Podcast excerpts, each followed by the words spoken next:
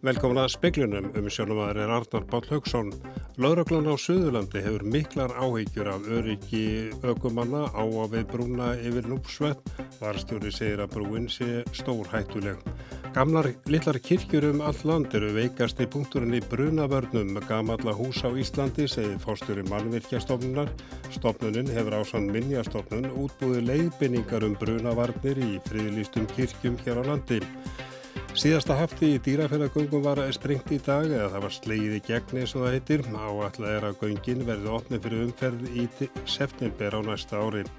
Fyrverandi fórsiti Perús svifti sér líf í dag þegar tilstóða færa hann í gæsluvarhald vegna rannsóknar á mútumálum sem hann var grunar um að tengjast. Hreyfing anstæðinga veggjálta í Nóri allar að bjóða fram í að minnstakosti 11 sveitarfélugum í sveitarstjórnarkostningum sem verða þar í haust. Lauröglan á Suðurlandi hefur miklar áhyggjur af öryggi ökumanna á að við brúna yfir um núpsvött. Þóstein M. Kristinsson, varstjóri hjá Lauröglunni á Suðurlandi, segir að brúin sé stórhættuleg. Hörmulegs bílslis varð við brúna 27. desember, þrýr létust þegar jeppi fóru fram á brúni.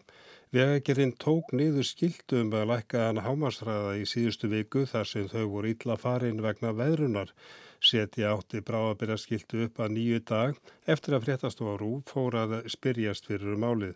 Þorstein segir að margir ökumenn aki allt og hratt yfir brúna. Það þarf að taka niður hraðan hérna alveg niður í 50 og þessi brú er náttúrulega batsins tíma og þólir ekki þessa umferð sem er í dag og alls ekki þessa umferðahegðun sem er í gangi samfara þessum mikla ferðamannaströmi. Hvaða umferðahegðun er það sem þú lýsir þar? Ég er að tala um hraðakstur. Það er gríðarlega keirt hratt á þessu svæði. Ég get nefnt til dæmis að í hver einustu vik er lauruglan á Suðurlandi og á þessu svæði hér að stoppa ökumenn sem er að keira 150 km hraða og á hverjum einasta degi þá erum við að stöða bílstjóra sem eru að aka yfir 120. Þetta er hraðinn og svo er það að auki er það verist vera til siðs í mörgum löndum að vera ekki með sætisbelti spennt og það er líka vandamáli ef að eitthvað kemur upp á. Þetta var Þorstein M. Kristinsson hjá lauruglun á Suðurlandi, Jóhann Bjarni Kolbeinsson talaði við hann og nána verið fjallaði um málið í sjónvarsjöttum klukkan 19. Mörgundruð manns voru viðstætti þegar Sigur Ringi Jóhansson samgöngur á þeirra sló í gegn í dýrafjörðagöngunum í dag með viðhafnarsprengingum, síðustu sprengingu dýrafjörðaganga millir Arnafjörðar og dýrafjörðar. Það var mikil spenna í loftinu enda göngin langþráðu draumur dýrfyrðinga og annara vestfyrðinga. Frankvæntur við göngin hófust í júni 2017, fyrsta sprenging í Arnafyrði var í september 2017 en í dýrafyrði í oktober 2018. Göngin á að afhenda 1. september 2020.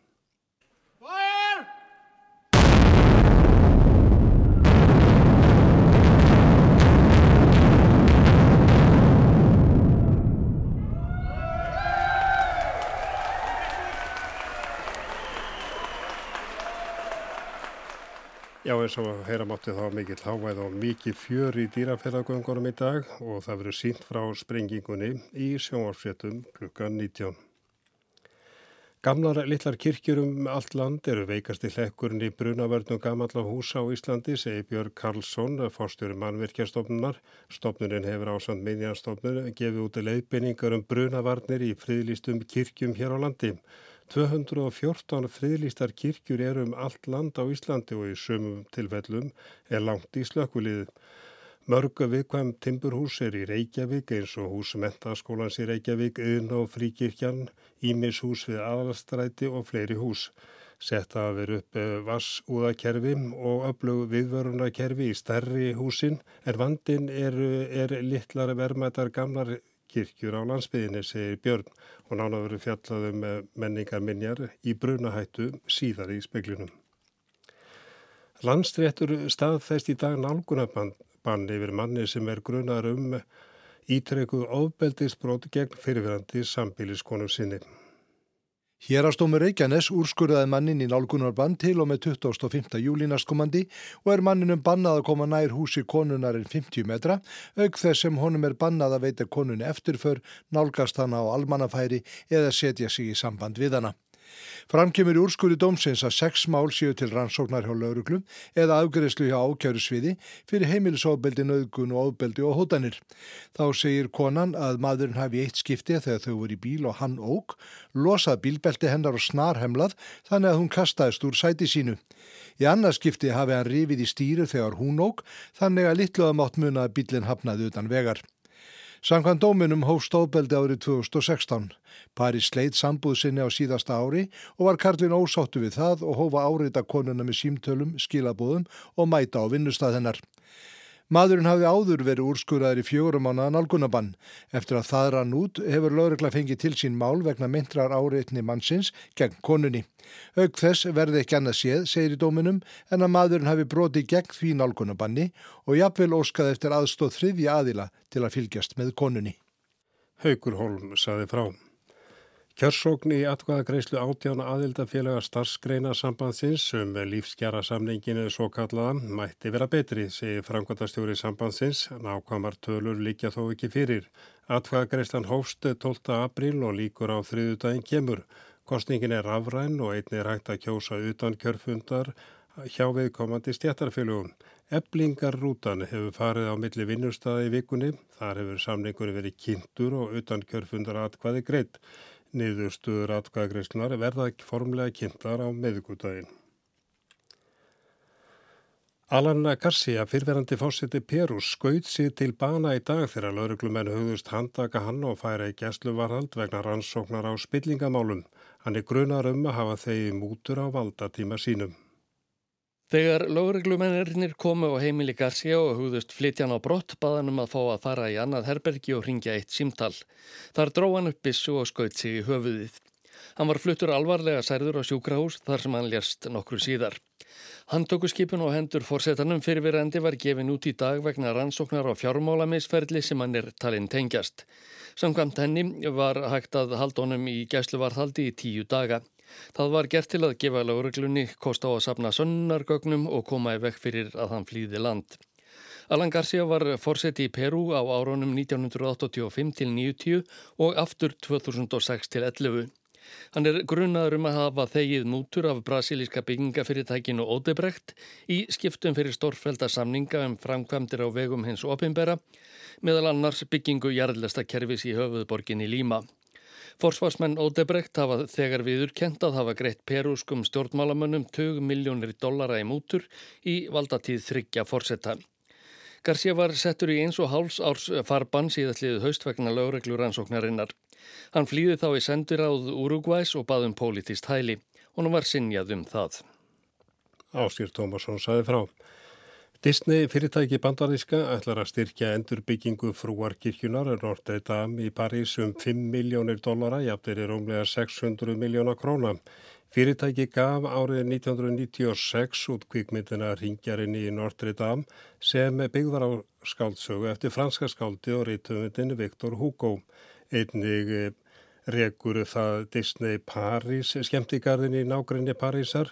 Nokkur bandarísk fyrirtæki hafa tilkynnt að þau ætla að styðja uppbyggingu frúakirkjunar fjárhagslega. Þeirra meðal er Apple, tölvu og tækjari sinn, fjárfestingasjóðurinn KKR og Notre Dame háskólinn í Indiana. Fjöldi franskra auðmanna og velstæðra franskra fyrirtækja ætlar einni að styrkja uppbygginguna en á að vera lokið fyrir sömarið 2024.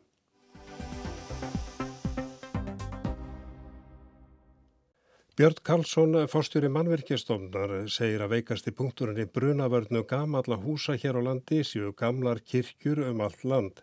Mannverkjastofnun og minnjastofnun hafa gefið út leiðbenningar um brunavarnir í friðlistum kirkjum hér á landi.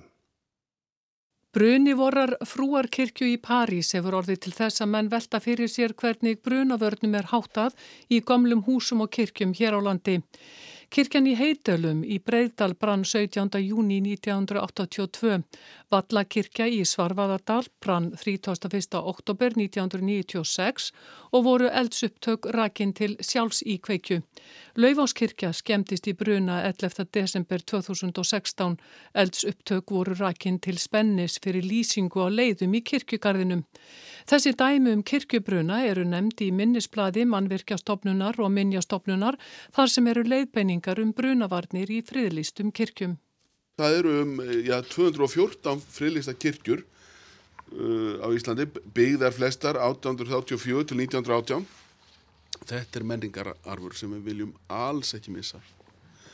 En svo eru þetta önnur hús uh, og við erum sérstaklega eru þetta viðkvæm uh, þessi timburhús. Önnur hús hérna til dæmis í Reykjavík ef við segjum MR, ef við segjum uh, Iðnó, Ímis hús við, við aðalstræti, fríkirkjan og svo framvegis. Björn segir að timburbyggingarnar séu viðkvamastar ekki síst vegna þess að oft er hólrúm í veggjunum. Svona byggjum ekki lengur í nútíma byggingum en þetta eru gömlu byggingarnar. Það eru þetta margt að vara svo það eru allskynns eh, smáatriði sem að, sem að geta komið þannig inn í en það eru hólrúmin oft sem gera það verkum að eldurinn getur breyðst út, farið upp á milli hæða og, og allt í hennu komist upp í þak og allt orðið alelda mjög fljótlega. Hvað, hvernig er staðan þá uh, varðandi brunavarnir á þessum kirkjum og þessum húsum sem þú nefndir? Sko ég veit að í þessum stærri byggingum eins og til dæmis í uh, uh, MR í miðbæjarskólanum til dæmis sem er þarna rétt við MR og, og þarna neyru við tjörnina uh, í svona stórum stærri byggingum þá höfum við uh, sett inn vassúðakerfi Einning hafa verið sett inn öflug viðvörunakerfi svo hægt sé að bregðast skjótt við. Flestar kirkjurnar eru byggðar úr timbri, ímist timburklættar eða klættar bárujátni. Björn segir að er sjö mikilsverður hluti byggingar arfleifiðar Íslendinga. Og sem við erum til dæmis með nokkuð öflutt slökkulið hér á höfuborgarsvæðinu um, en, en vandin er oft uh, auðvitað litlar verðmætar uh, frábærar kirkjur, gamla kirkjur á landsbyðinni það getur verið langt í slökkulið Í leiðbeiningum um brunavarnir í friðlistum kirkjum segir að þegar að brunavarnir eru annars vegar verði að meta hverja kirkju fyrir sig með hlið stjón af stærð og notkun húsins. Algengustu orsakir bruna í kirkjum séu út frá kertum, rafmagni og sjálfs í kviknun. Einning hafa íkveikjur verið allnokkrar á liðnum áratugum og lagt til að varnir gagvart þeim séu einnig þáttur í brunavörnum. Já, þetta geta verið mjög viðkvæm hús og það er bara alls ekki sama hvernig menn gera upp svona gamlar timburbyggingar Til dæmis uh, gætum enn freistast til þess að reyna að fylla, setja steinull í, í, í öll holrými en þannig er þetta kannski með uh, byggingu sem hefur staðið uh, vel í 200 ár, 100 ár og hefur ekkit fúnað. Svo þegar mann setja kannski einn steinull þjætta allt rosalega vel, þá geta ímis vandamál komið upp. Þannig að mann verða að fara sér óskaplega varlega og verða að tala, það eru mjög góði sérfrængar í minja vend, bæði á minja stopnun og, og annar staðar uh, sem að þekkja þetta óskaplega vel þannig að verða menn bara að fara mjög varlega. Hvar er, hvern, hvernig myndur þú segja að staðan væri hjá okkur í varðandi þessi gamlu hús og, og, og kirkjur? Já, ég myndi nú segja að Staðan sé uh, alveg bærileg þannig, uh, við erum með helmingi færi tjón á Íslandi uh, varandi eldsvoða og helmingi færi mannslátt á völdum eldsvoða líka, með að við í hérna Norðurlöndin, þannig að við erum að standa okkur vel en við erum með einstaka mjög viðkvæmar byggingar sem að eru gríðarlega menningarlega verðmætt og þannig að það eru veikleikar í þessu. Byggingar úr timbri með hólrúm í veggjunum eru viðkvamastar og þær eru oftast í miðbæjum köpstaða. En hvað með alþingishúsið? Og einmitt alþingishúsið.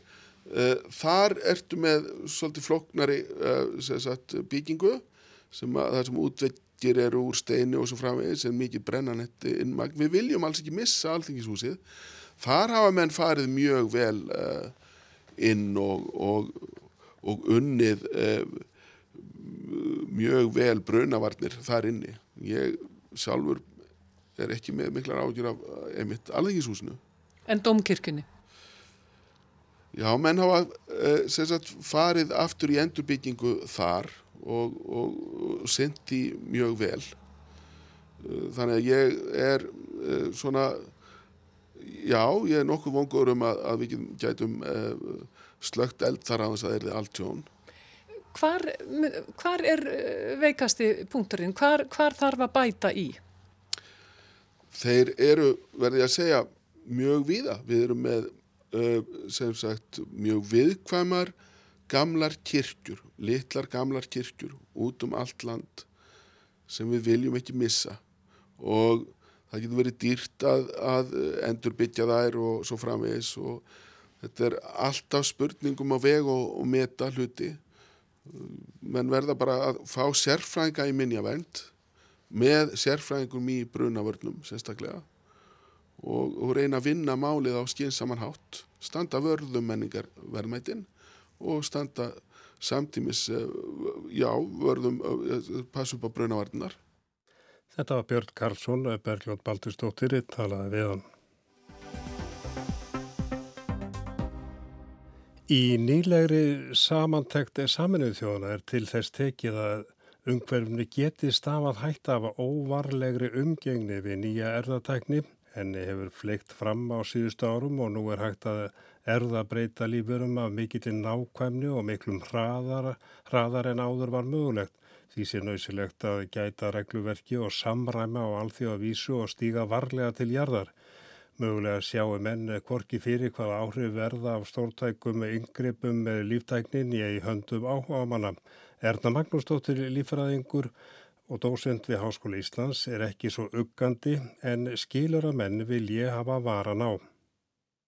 Almenningi finnst kannski erðatekni verið að koma svolítið fram úr sér en ég held að það sé vísendamennirni sjálfur sem að hafi mestar áhugir af því hvernig ég koma böndunum á tæknina og vissulega eru svona, hvað ég var að segja, rótin eppli á meðal vísendamanna og öllum var brúðið til dæmis hérna í haust þegar kynveski víslamæðurinn Juan Kuhe erðabreyti tvíbrastúlkum en það hefur orðið í kjölfarið og er búið að vera nokkur ár þar á undan mjög stert ákall frá vísendasamfélaginu um að vísendamenn verða að taka sér saman og setja grunnreglur og það er ekki eins og það hefur gerst. Það er búið að halda marga fundi það er mjög aktíf umræða um að það þurfi að setja ramma utanum það hvað megi núna.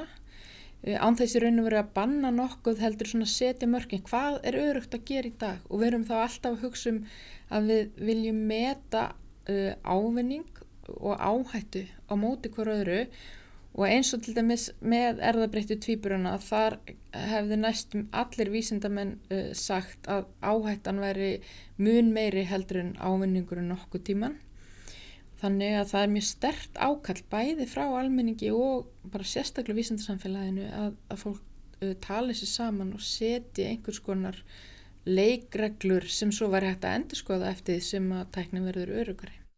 Þó að reglu séu nokkuð mismunandi eftir löndum er næri algilt að ekki má rannsaka fósturvísa nema í að farga þeim hvort sem er. Uppfylla þarf mjög ströng skilirði til rannsókna en í Kína er eftirliti ekki eins stíft segir erna sem telur að það hafi enga síður orði kínverskum stjórnvöldum áfall að uppgötfað kínverskur vísindamadur fór gegn meiri hluta vísindasamfélagsins og hlaut fórdamingu fyrir. En erðateknin er nótu víðar en í rannsóknum á mönnum vissulega og við notum erðatækni mjög víða með að bruka bjór til dæmis þá, þá, þá veitum við nákvæmlega arfgerðina og gerðsvöpunum sem að verið er að nota og landbúnað er nota erðatækni og svo framvið við notum erðatækni við erðatækni mjög mikið nota náttúrulega eh, í helbæriskerfinu en líka hún kemur mjög víða við og svona kannski alltaf landbúnaður er ekki efst í huga fólks þar sem að kannski helsta nótkunnin er að gera fóður eða þar sé að fóðurjurtir eins og mæs uh, og bara jurtir almennt þólnar fyrir livjum sem að drepa illgrassi og skortir og það er auðvitað umdelt út af því að, að því fylgir þá aukin nótkunna á eitri.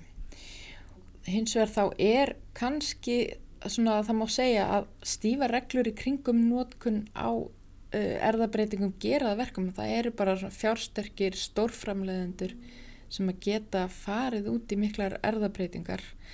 Þannig að kannski er það að virka mót okkur að hafa mjög stífar uh, reglur og eftirlit og samanskapið þá náttúrulega verður að hafa eftirlit af því það við viljum ekki hleypa hvers konar uh, eða sama hvernig erðabreyti lífur sem er út í, í lífrikið og, og Íslandi er öllum bara mjög stífa reglur um það og það er fylst mjög stíft með því og það þarf að sækja leifi til þess. Þessi tækni og þessar framfærir í líftækninni og sem hafa orðið á síðust ánum það er að gera þetta miklu aðgengilegra.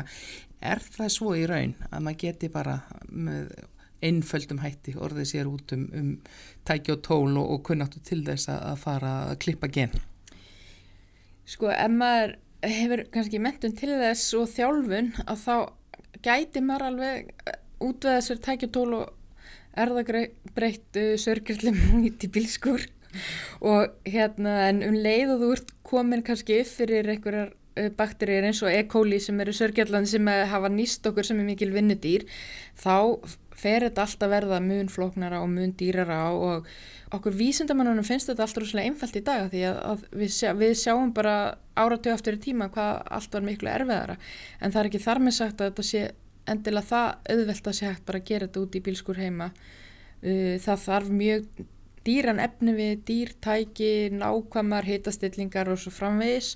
Og svo þarf maður að vera mjög agaður og vita nákvæmlega hvað maður að gera. Þannig að þetta er svona ólíklegt að maður geti verið í einhverjum business með þetta og þetta væri svolítið tímafrætt hobby.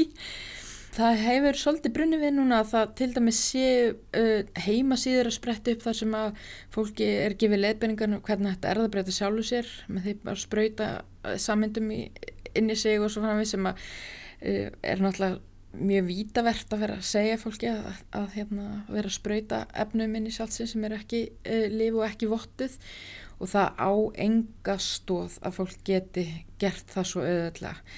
Uh, það er búið að vera áratugja að vinna aðferðum við genalækningar til þess til dæmis að geta tekið stoppfrömmur og erðabreytt þeim til þess að laga hluti sem að fara úrskeiðis í líkamannum og það er það erfitt að koma genum á réttan stað í líkamann eða reynilega inn í frumu líkamanns að það er vandamál sem ennþá bara verið að vinna hörðum höndum við að leysa. Hefur verið hægt að leysa til dæmis fyrir blóðmyndandi stoppfrumur og, og kannski ekki eins og það heldur kannski ákveðnar um, frumur í, í hérna, ónumiskerfinu en það þarf líka mjög uh, flókin tækjabúnað og mjög stór teimi af vísindamönnum til að framkama það. Maður gerir ekkert svona út í bílskur heima bara hvers bæng sko. Og þetta var Erna Magnúsdóttir Anna Kristín Jónsdóttir talaði við hana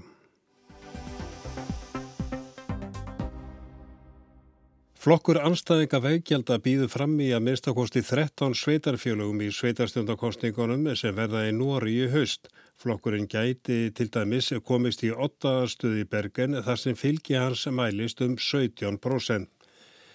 Í nýri skýslu sem unnin var fyrir Sigur Inga Jóhansson samgöngur á þeirra kemur fram að vegagerinn telur nöysilegt að ráðist verði í um 200 verkefni á næsta aldarfjörðugi sem áallega er að kosti um 400 miljardar krónan. Þó að framlög til vegafrankvænda hafi verið aukin er svo aukninga langt frá því að standa undir svo miklum kostnaði. Í þessum tölum eru til dæmis ekki nöysilega frankvændir á höfuborgarsvæðinu. Í skýslunni var tekið dæmi um eh, nýju framkvæmdir sem hugsanlega væri mögulegt að flýta á næstu sjö árum. Vermið þeirra nefnur um 40 miljóðum króna. Ekki tekið að skarið um að veggjöld verði innheimt til að standa undir tilteknum vegaframkvæmdum. Hugmyndur og veggjöld verði áfram rættar og þróaðar. Starfsópurinn sem gerði skýsluna leggur til að fyrsti kostur til að fjármagna flíti framkvæmdir og sá ódýrasti sé að breyta forgangsröðinni ríkis útgjöldum. Það er ekkert sérstaklega líklegt að það gangi eftir því þessi leið myndi bytna á öðrum málaflokkum. Hinn kosturinn er að ráðist verði í að samvenuverkefni engaðil og ríkisins og hluti er því hugsaðlega innheimtur með veggjöldum. Og þetta er ekki fyrsta skýslanum hugsaðlega innhemtu veggjanda hér á landi. En á meðan ráðamenni hér á landi gælaði hugmyndunum að innhemta veggjöldi þykir mörgum í Nóri vera nóg komið af slíkri innhemtum.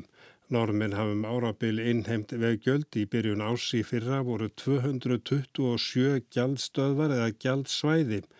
Norska ríkið áallæði í fyrra næmu tekjur af veggjöldum um 204 miljardum íslenskar krónan. 2017 voru þær yfir 190 miljardar. Í fyrra greitu bílaeigendur að meðaltali um 60.000 krónur á ári í veggjöld.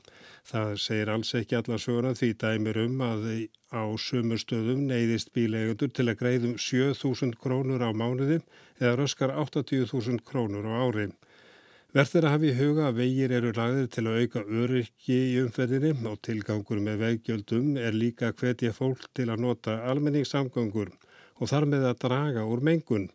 Jáfnframt eru veggjaldi nótu til að ebla almenningssamgangur. Hreyfingin eh, fólkaaksjón er nætt til meir búmpengar eða hreyfingin gegn meiri veggjöldum var stopnaðu 2014 í Stavanger í Nóri vegna þess að sumu þótti nóg komið. Hreyfingin eða flokkurinn bauð fram í sveitasjónakostningunum í Stavangrim 2015 og náði að fá þrjá menn kjörna. Hreyfingunni sem hefur skamstöfunna FNB hefur vaksið fiskur um hrygg því nú er stefnir af því að bóði verið fram í að minnstakosti 11 sveitarfélugum og fjórum fylgjum í kostningunum sem verða í september. Að auki stefnir í að önnur hreyfing sem best fyrir því sama bjóði fram í Drammen og loks úr þriðja í Tromsu. Tvær síðastnemdu hreyfingarnar eru algjörlega á móti innheimtu veikjaldan FNB best á móti frekari veggjöldum en er þó ekki alfarið á móti þessari innheimtu aðferð. Í nýlegri skoðanakonum sem dagblaði Bergeris tíðina í gerði fær FNB-flokkurinn 16,7% fylgi í Bergen. Meðal Karla er flokkurinn til dæmis stærre en sjálfur verkamannaflokkurinn. Ef þetta verða úslitin kemst flokkurinn í åtta aðstöðum sem sá þriðji stæsti í bæjastjórnunni með 11 bæjafullrúa. Megin kröfur eru að 14 nýjar innheimtustöðar verði fjarlagðar og að veikjöldin verði lækuð. Ímsir telja flokkin einsmálsflokk og spyrja hver séu viðhorfars til annara mála en veikjöldana. Aðrir flokkar eru tvístígandi, hægri flokkurinn í Bergen er á móti því að hætta með veggjöldin, það myndi þýða að öll uppbygging í bænum myndi stöðvast. Flokkurinn leggur þó til að þess með lægstu teikjunar fái hugsalega afslátt bjarnafjörskjöldu sem er að háðar bílnum gætu átt kosta á að lækka gjöldin um helming. Og verkamannarflokkurinn viður kennir að veggjöldin séu há en hendur sveitarfélagana séu í raun bundnar til að þá ríkið að vegaframkvæmdum sé ger krafum að sveitarfélagi leggji til helmingin Eina leiðin til að skrapa sama þá peninga sé að leggja á veggjöld og til að lækka þau veri ríkið reynlega að borga meira og hækka sitt framlag. Frút Mýrholt formaður flóksins og bæjarfulltrúi FNB í Stavanger sér að nú sé stemt að frambóðun til sveitastjórnan en hann útilokkar ekki að í framhaldinu bjóði flokkurinn fram á landsvísu í þingkostningunum sem verða á næsta ári. Og þetta var um veggjöldin í Nóri en við sögðum frá því speiklunum að lauruglan á Suðurlandi hefur miklar áhyggjir af öryggi aukumanna á að við brúna yfir núpsvetna. Varstjóri segir að brúin sé stór hættuleg. Gamlar litar kirkjur um allt land eru veikast í punkturinn í brunavörnum gamalla hús á Íslandi. Þetta segir fórstjóri mannvirkjastofnunar. Stofnunin hefur ásand minnjastofnun útbúið leiðbenningar um brunavarnir í, í friðlýstum kirkjum hér á landi. Og síðasta hefti í dýraferðagöngunum var sprengt í dag á allar að göngin veðu opnuð fyrir umferð í september á næsta ári. Svo líti aðeins til veðurs, söðvestan 10 til 15 metrar á sekundu en 15 til 20 síðst á landinu, þurftu norðaustan lands, annars viða rigning og talsverð eða mikil úrkoma um landið söðaustavert í kvöld og nótt. Sunnan 8 til 13 á morgun og dáli til væta en þurft og bjart á norður og austurlandi. Híti 7 til 15 stig á morgun og það verður hlýjast fyrir norðan. Og það er antóðsend frá viðufræðingi útlitir fyrir talsverða eða mikla regningu suð, í suðaustur fjörðungi landsins í kvöld og nótt með vatnavöxtum og auknum líkum á skriðuföllum eða grjótrunni, hlítir á landinu og víða eru leysingar og vöxtur í ám og lækjum. En það er ekki fleira í speiklunum í kvöld, tæknumar var Mark Eldred, verið sæl og gleðilega páska.